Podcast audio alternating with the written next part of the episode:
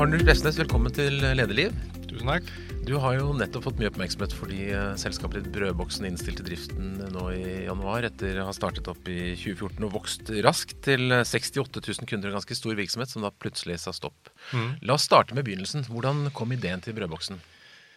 Jeg var mm, Jeg eh, hadde akkurat slutta som aksjemegler og skulle begynne å jobbe som operativ oljeingeniør. Og da var jeg på kurs i USA.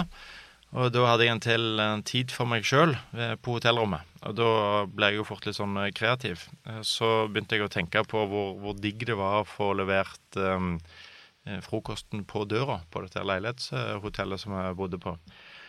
Så, og der kom det jo brød og juice og frokost og sånn. da, Så tenkte jeg at det, det burde det egentlig være mulig å få levert da hjem på døra når man bor hjemme òg. Og gjorde det som jeg pleier, og sette meg ned med et regneark og begynne å regne på dette her, og se om det er mulig å, å tjene penger på det. Og det fant du at det var? Eh, jeg fant ut at det var det, ja. ja. og så skrittet da fra, fra regneark til bedrift. Hvordan skjedde det videre? Derfra til å sitte og regne på det, så gikk det ganske lenge. Av at jeg har vært gründer før med denne um, Fluid uh, Kite-butikken. Um, så vet jeg hvor mye arbeid det er å starte en bedrift. Så jeg uh, tenkte at uh, dette var en god idé, men det orker jeg ikke. Så la jeg det vekk. Men hver gang jeg var en middag eller snakket med noen folk, så spurte jeg om er det noe du kunne tenkt deg å fått liksom, ferskt brød levert hjem på døra. Og det er jo sånn no-brainer-spørsmål, egentlig. Så jeg svart ja, selvfølgelig. Det, det, hadde vært veldig digg. Så akkurat, ja. ja. Men ja, OK. Men det gidder ikke jeg starte med, for det, det er så mye arbeid. Men så irriterte meg mer og mer dette greien, at jeg trodde det var en veldig god idé, og så bare denne opprinnelige ideen med å, å levere brød hjem til folk, det, det, det, trodde jeg egentlig ikke det var mulig å tjene penger på. Jeg er nødt til å gjøre noe med mer enn det. For et brød koster ja, 40 kroner ca. Så å bare levere det hjemme til folk, det vil nok aldri bli lønnsomt. Men tanken var jo da egentlig å bruke dette produktet som alle nordmenn gjerne vil ha levert til seg veldig ofte, helst hver dag, sånn at kvaliteten er god. Og bruke det som en basis for å bygge opp en logistikktjeneste som kan levere ut hva som helst.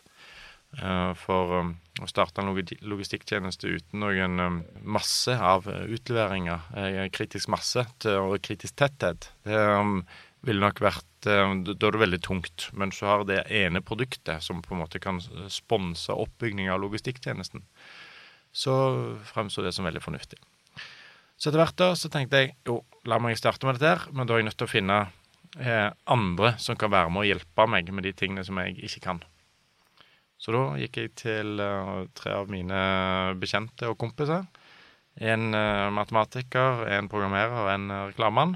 Og så tenkte jeg at uh, da er vi et bra team til å starte noe sånn. Så gjorde vi det.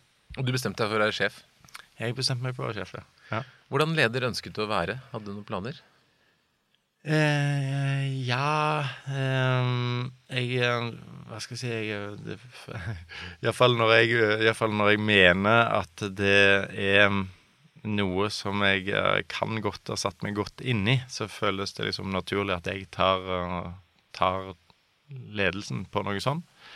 Så, men jeg hadde ikke egentlig noen sånne voldsomme tanker om hvordan jeg skulle være som leder.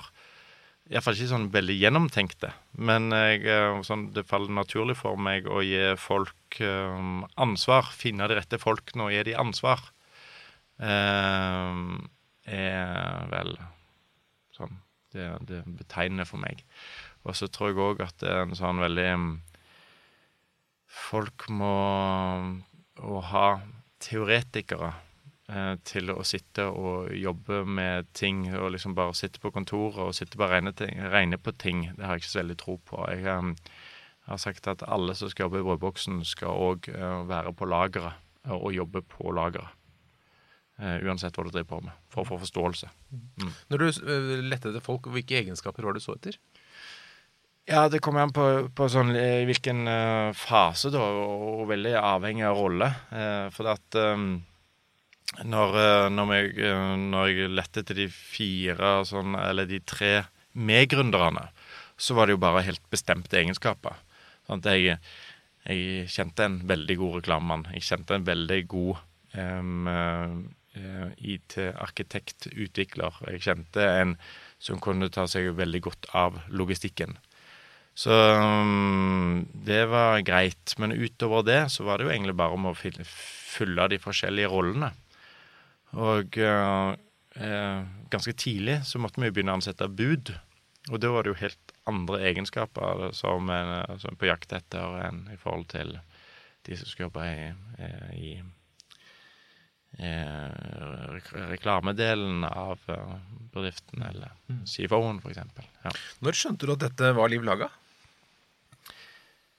Eh, nei, det var jo altså alltid et spørsmål, der. For det, det, er jo jeg hadde, jeg hadde jo veldig tro på konseptet. Eh, ikke levere et brød, men og, sånn som jeg var inne på, å bruke, bruke disse frokostproduktene til å bygge opp en logistikkjede. Eh, men uh, kanskje den viktigste grunnen til at jeg tenkte at OK, dette funker, det er når vi, når vi så på kunderetention. Altså bare sånn Hvis folk først hadde blitt kunde, eh, fortsatte de å handle da, eller bare forsvant de? Og når vi begynte å dykke i de dataene der, så bare tenkte jeg at shit, dette her er det bare å vente. Hvis en bare er tålmodig her, så får en nok kunder til at en til slutt tjener penger. Og så er det min bekymring hele tiden, som, men uh, hvor mye koster det? Det er vanskelig å vite. Og får vi nok penger til det? Og komme dit? Det var bekymring fra, fra dag én. Selv om vi etter hvert henter inn ganske mye penger, så er alltid den bekymringen. Har vi nok penger til å gjennomføre dette her? Hvordan har du motivert ansatte underveis til å stå på og levere bra kvalitet? Mm, jeg har prøvd um, å lede an med innsats, egentlig. Uh, og uh, prøvd å liksom alltid være tilgjengelig. Og det er jo ganske spesielt, for vi har jo en sånn vi hadde jo en sånn 24 timers operasjon. Vi har ikke en sånn vanlig butikk som er åpent fra 9 til 18 eller et kontor, men uh, vi hadde jo operasjonen døgnet rundt. Så jeg prøvde så En ting er å motivere de på kontoret, uh, for det er, jo, det er, jo, egentlig det enkle. Uh, men å motivere de som er nattmanagere, og, og, at de skal føle seg sett. For det er veldig fort gjort når det er en sånn bedrift hvor noen sitter på kontoret, og noen er på lageret. Eh, og de på kontoret de jobber dagtid, Eh, og de som jobber på lageret, de jobber nattestid. Så det er liksom vanskelig å få opp en sånn god kommunikasjon mellom de. Det blir fort liksom de og oss-tankegang. Eh, så da følte jeg at det var veldig viktig å være mye til stede på lageret på natten. Eh, jeg var en del til stede, og jeg gjorde, prøvde så mye som mulig å sjøl være sjåfør. Og ute og kjøre og levere. Eh, og gjorde det en del, men jeg skulle ønske jeg kunne gjort mer av det. For da det er, jo, det er jo der navet ligger, i selve distribusjonsleddet. Og hvis du har den som er sjefen, da, den som de vet er sjefen på lageret, hvis han òg utgjør den samme jobben som de, så, så, blir det veldig lagt merke til. Det å gå da fra, fra null til eh, ja, 200 registrerte ansatte, 68 000 registrerte kunder, er det noen faser? Det er veldig få som opplever en sånn vekst. kan du dele inn den veksten i noen faser? Ja ja, det er jo faser. altså Først og fremst er du arm og bein hele tiden. For det er så fort eh, du løser et problem, så oppstår det et nytt eh, problem som gjerne er enda større. Men eh, når vi gikk fra å ha som, som 10-12 mann på jobb til daglig Da var det sånn veldig oversiktlig, veldig personlig. Kjente alle, var helt på fornavn med alle. Og, og sånn det var jeg kjente den enkeltes eh, positive og negative egenskaper sånn eh, på personlig nivå. Selv om vi bare hadde jobba sammen i, i, noen måneder, så, så ble det liksom veldig fort kjent med folk. da. Eh, til at vi gikk fra det lageret, så det var liksom var plass til en sånn 10-15 ja, mann eh, som var ute og kjørte samtidig, til vi fikk det et større lager eh, hvor det var ja, mer enn 15 til, til daglig. Da, da, ble det veldig vanskelig å henge med. Da, og da var det jo ikke jeg som gjorde rekrutteringa, men andre som gjorde rekrutteringen. og plutselig går du på lageret og ser at det er mange ansikt der som jeg ikke kjenner. Det er faktisk noen ansikter jeg aldri har sett før. Det, det føles som en helt ny fase. Og blir da mye vanskeligere. Måtte du da lede på en annen måte? Ja, men eh, jeg syns da kanskje da blir, det, da blir det enda viktigere å vise seg og være til stede på lageret. På grunn av at da blir, da blir den avstanden mellom de som faktisk utfører noe, eh, de som iallfall føler de utfører noe, eh, og de som sitter på kontoret med støttefunksjoner. Så da blir det liksom enda viktigere å være til stede på der det, der det fysiske faktisk skjer. Um, men det er veldig problematisk det der, for at um, vi hentet jo inn mye penger. Vi hentet inn penger for ofte. Um, det betyr òg at jeg brukte veldig mye tid på å hente inn penger og snakke med investorer. Så det skjedde jo omtrent sånn en gang i halvår at jeg forsvant ganske mye fra kontoret i to måneder og var med rundt og snakket med investorer. Det, det syns jeg var veldig vanskelig. Så prioritering av tid ble vanskelig? Ja, eh, spesielt i forhold til det å bruke mer tid på, på investorer og pengeinnhentingsdelinger. Mm. Pengeinnhentingsdelen, ja. Mm. Hva følte du var høydepunktet? Når var dere på deres absolutt beste? Mai 2017. Da, um, da eh, Vi hadde jo lagt oss noen eh, prognoser for hvordan vi skulle vokse. Det er ganske vanskelig, for at eh, du Fra en måned til en annen, om det er 30 eller 31 dager, det er som 3 forskjell. Og i, hvis det er feriedager så slår det voldsomt inn på salget. Det er liksom Bare se på de salgskurvene våre, så ser du de, de ukene der eh, vinterferie eller høstferie eller noe sånt, de er, som, de, de er ned um, 30-40% Så derfor, når vi lagde noen eh, prognoser for hvordan det skulle gå, så tenkte vi at eh, mai blir en litt vanskelig måned, litt mye ferie og sånn. Eh, folk reiser mye bort. Men eh, så slo det inn omvendt, egentlig, at eh, mai ble en kjempehøydere med 17. mai med enormt salg og disse her eh, pinsen og, og det som ofte faller i mai. Så mange sånne gode dager som uh, vi hadde forventa skulle gå dårlig, men som ble veldig bra. Og så fungerte det operasjonelle veldig, veldig bra. Så da følte jeg at uh, da var vi på høyden, ja. Mm. Det er mange gründere som drømmer om en sånn vekst og sånn opplevelse. Følte du at du levde i en sånn drømmeliv da? Uh, ja, bare ikke så veldig mye tid til å drømme. det, det, var, det var Når en har sånn 24 timer, så går en òg rundt og virkelig er bekymra absolutt hele tiden. Sover dårlig. Får uh, som stort sett alltid telefoner etter midnatt med noen som ikke har fått til noe, eller noen som hadde kjørt seg fast, eller eh, brød som ikke kom. Og det er jo sånn Utgangspunktet ikke jeg som skal ta meg av det, men når veksten skjer så raskt, så er det um, eh, så, så, så, tar det tid å få på plass alle detaljene om hvordan en løser alle detaljene. Så eh, Ja, det, det, det, det tar tid til å komme og få lært av folk. Ja. Du frontet jo dette i media utad som en veldig mm. suksesshistorie. Alt så veldig lysende og flott ut. Og så mm. sier du at du følte på tvil og, og, og, redsel for å ikke lykkes samtidig. Hvordan balanserte du det i forhold til ansatte? Fortalte, delte du tvilen din? Eh, kommer, det kommer an på. Eh, til de nærmeste så eh, så, så gjorde vi jo det. Eh, og eh, ikke, på konseptet så hadde vi aldri egentlig sånn veldig tvil, noen av oss. Og det har jeg nesten fremdeles ikke. Men vi hadde um, tunge stunder når det gjaldt å hente inn penger, ja. Jeg husker det òg var i sommeren nå for et halvt år siden. Da satt vi i hagen til en kompis av meg, og så bare Shit, dette ser ikke ut til å gå nå, nå, ser alt så bra ut. Det var rett etter den fantastiske mai. Men allikevel, det bare Shit, nå ser det ut som at vi Nå går vi tom for penger, rett og slett. Uh, og vi får ikke hentet inn nok penger i tide. Ting er veldig bra, men allikevel. Så eh, det var det jo noen sånn en tre-fire som kjente til. Men de bekymringene som gikk rundt det å hente inn penger, det prøvde jeg å um, i hovedsak skjerme for folk. Det har bare ikke noe sånn særlig hensikt. Men det, det er ikke gitt, det heller, altså. For det, det, det var en som sa det til meg òg, en som jobbet i markedsavdelingen, som sa at uh, jeg skulle ønske at du, du fortalte litt mer, uh, for alle ser at du er bekymra. Alle, alle, ser at du sover litt lite. så du uh, skulle ønske du fortalte litt mer, for folk lurer uansett.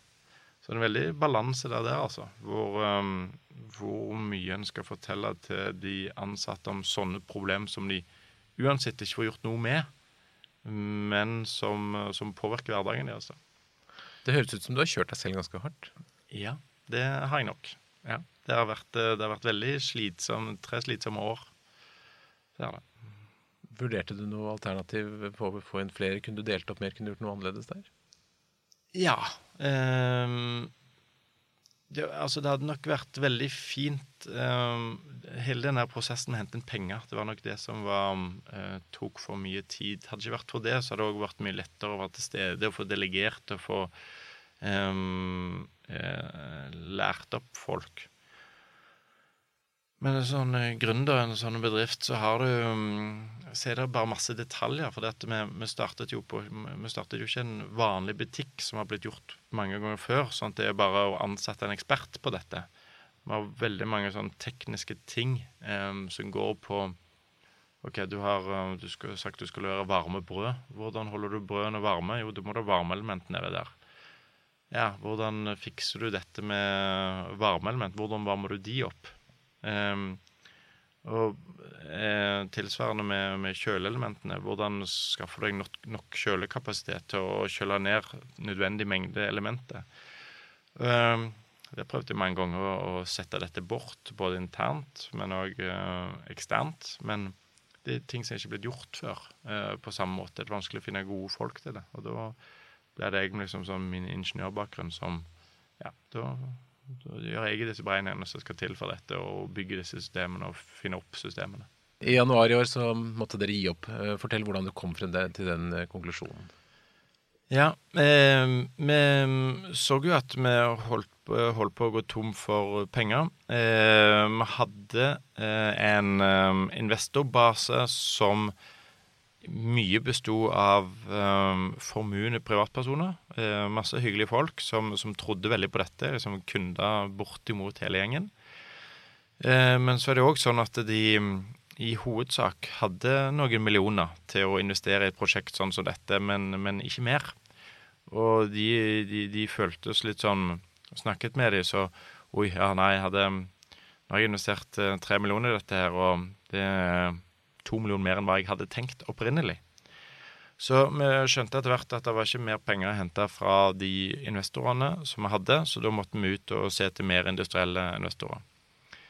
Um, det var en uh, bra prosess. Masse positive tilbakemeldinger. Um, men òg uh, folk um, de, uh, de, som var rundt og snakket med, de var Noen kunne ikke ta i det, og noen Ehm, hadde jo da heller ikke tro på forretningsmodellen.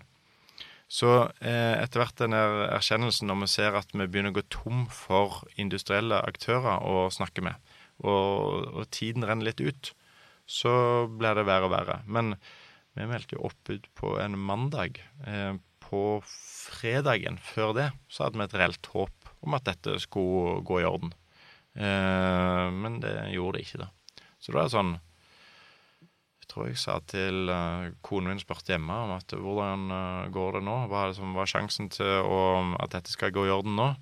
Så liksom helt inntil, helt inntil slutten så nei, jeg tror altså, det er mer enn 50% men det, det er vans vanskelig å vurdere. Mm. Hvordan føltes det å måtte ta beslutningen om å legge ned?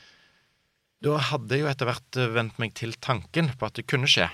Og det var nesten en tøffere tid enn Uh, når han faktisk gjør det, når han går ned på tinghuset og liksom leverer inn papirene, da, er det sånn at da, har han vært igjennom den prosessen. Jeg er nok sånn generelt sånn at jeg ikke ser meg så, sånn, så veldig mye tilbake. Uh, så at uh, å levere de papirene, det, det føles jo nesten mer som en sånn lettelse om at OK, nå skal det sikkert være mulig å det blir, sånn, en sånn rar følelse, for du blir sånn egen. For jeg tenker at oh, nå nå skal jeg sove lenge i natt. For det er det typisk det hadde ikke blitt i slutten av en sånn en, uh, prosess. Så um, eh, en veldig tungt, um, men òg liksom en erkjennelse som har kommet over tid, at i hvert fall muligheten eksisterer for at dette må, må skje. Ja, det er mange ansatte som mister jobben, og investorer som taper penger, og kunder som ikke får brødet sitt. Mm. Hva føler du i forhold til disse? Um, litt uh, Det er jo og, og, ikke minst leverandører som uh, vi skyldte penger, som, ikke, som, ikke, fikk oppgjør. Jeg har prøvd å snakke med mest mulig av disse. Og investorene som taper penger, det er jo veldig synd. det er jo altså Investorer som taper penger, er jo utgangspunktet ikke en forferdelig ting. Men det er jo investorer som har trodd på meg og trodd på min idé. Så sånn personlig så føles det jo eh, utrolig kjipt at uh, folk har vist meg tillit, og så klarer vi ikke det. Men eh, jeg tror nesten de som jeg hadde sånn mest følelser for og syns er kjipest for, det er de ansatte budene, de som jobber på, på lageret. Som er um, folk, eh, mange fra en annen kultur, med uh, begrensa hvor mange av de som snakker norsk, og ikke like lett for alle å få jobb. Og hvor eh, mange av de òg er kanskje den eneste inntekten i familien. Det syns jeg nok var det verste.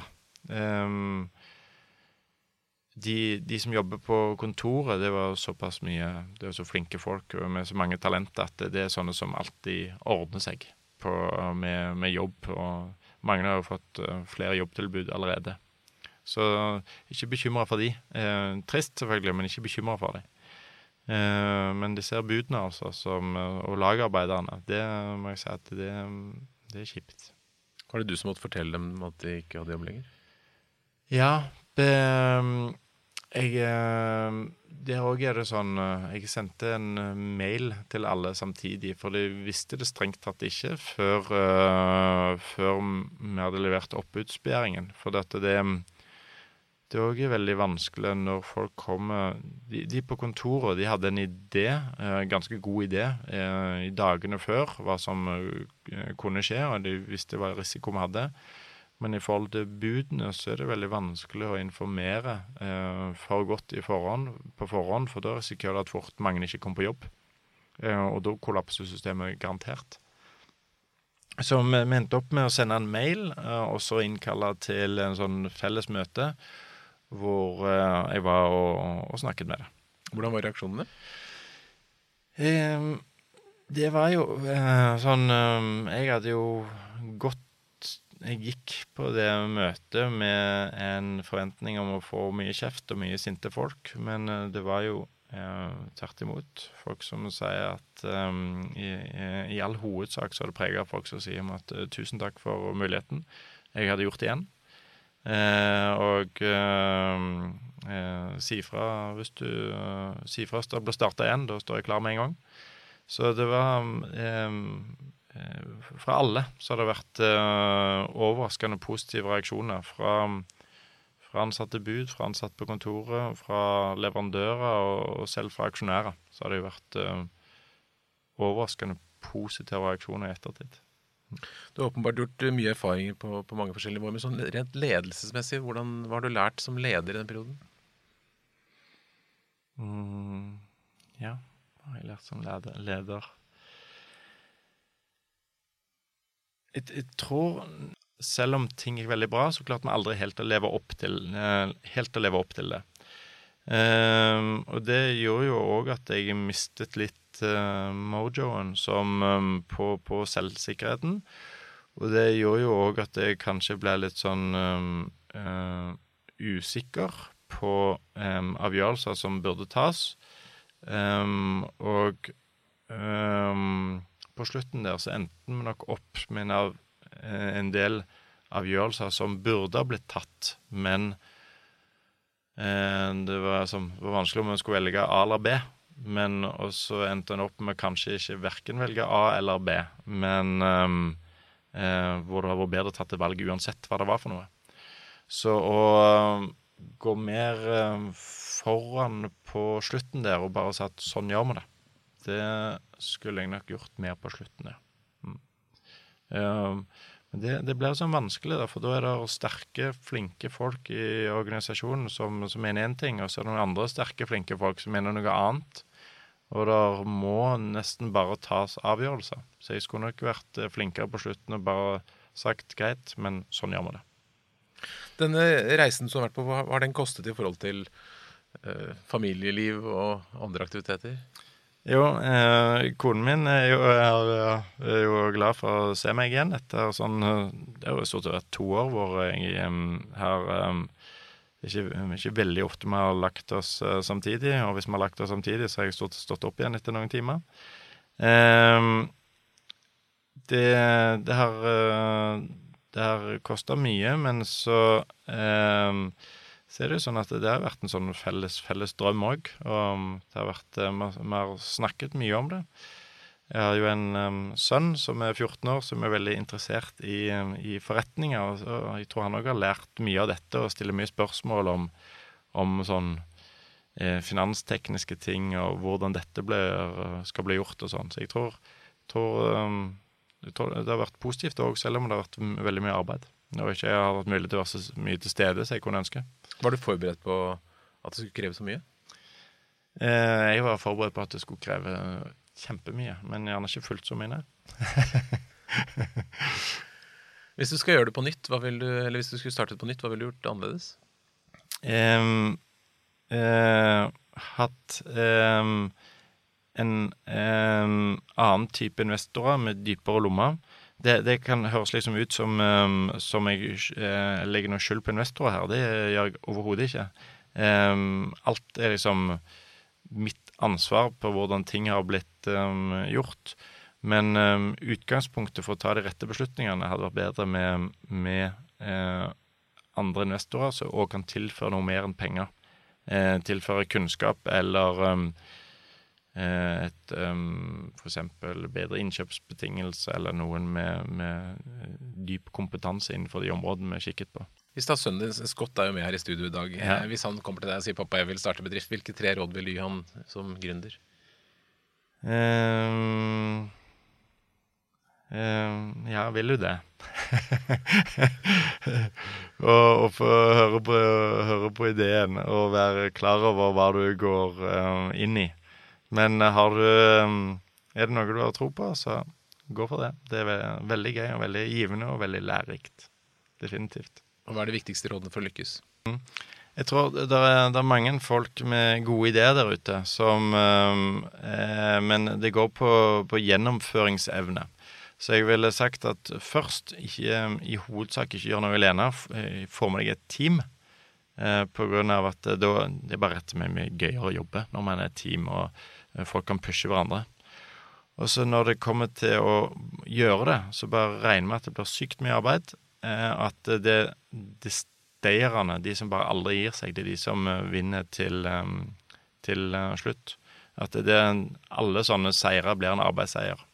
Og at en garantert kommer i en posisjon hvor der, du ikke ser utveier, men så er det i all hovedsak så er det en eller annen utvei likevel.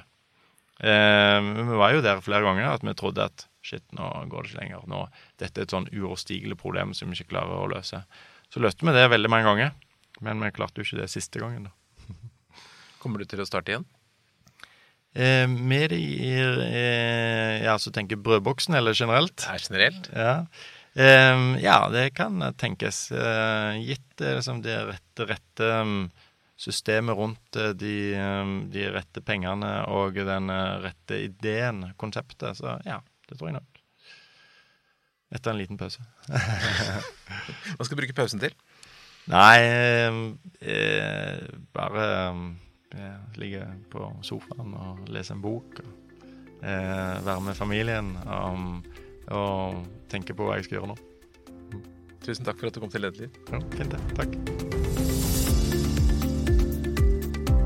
Takk for at du har lyttet til Lederliv, en podkast produsert av Apeland. Trykk abonner, så får du et varsel neste gang det kommer en episode.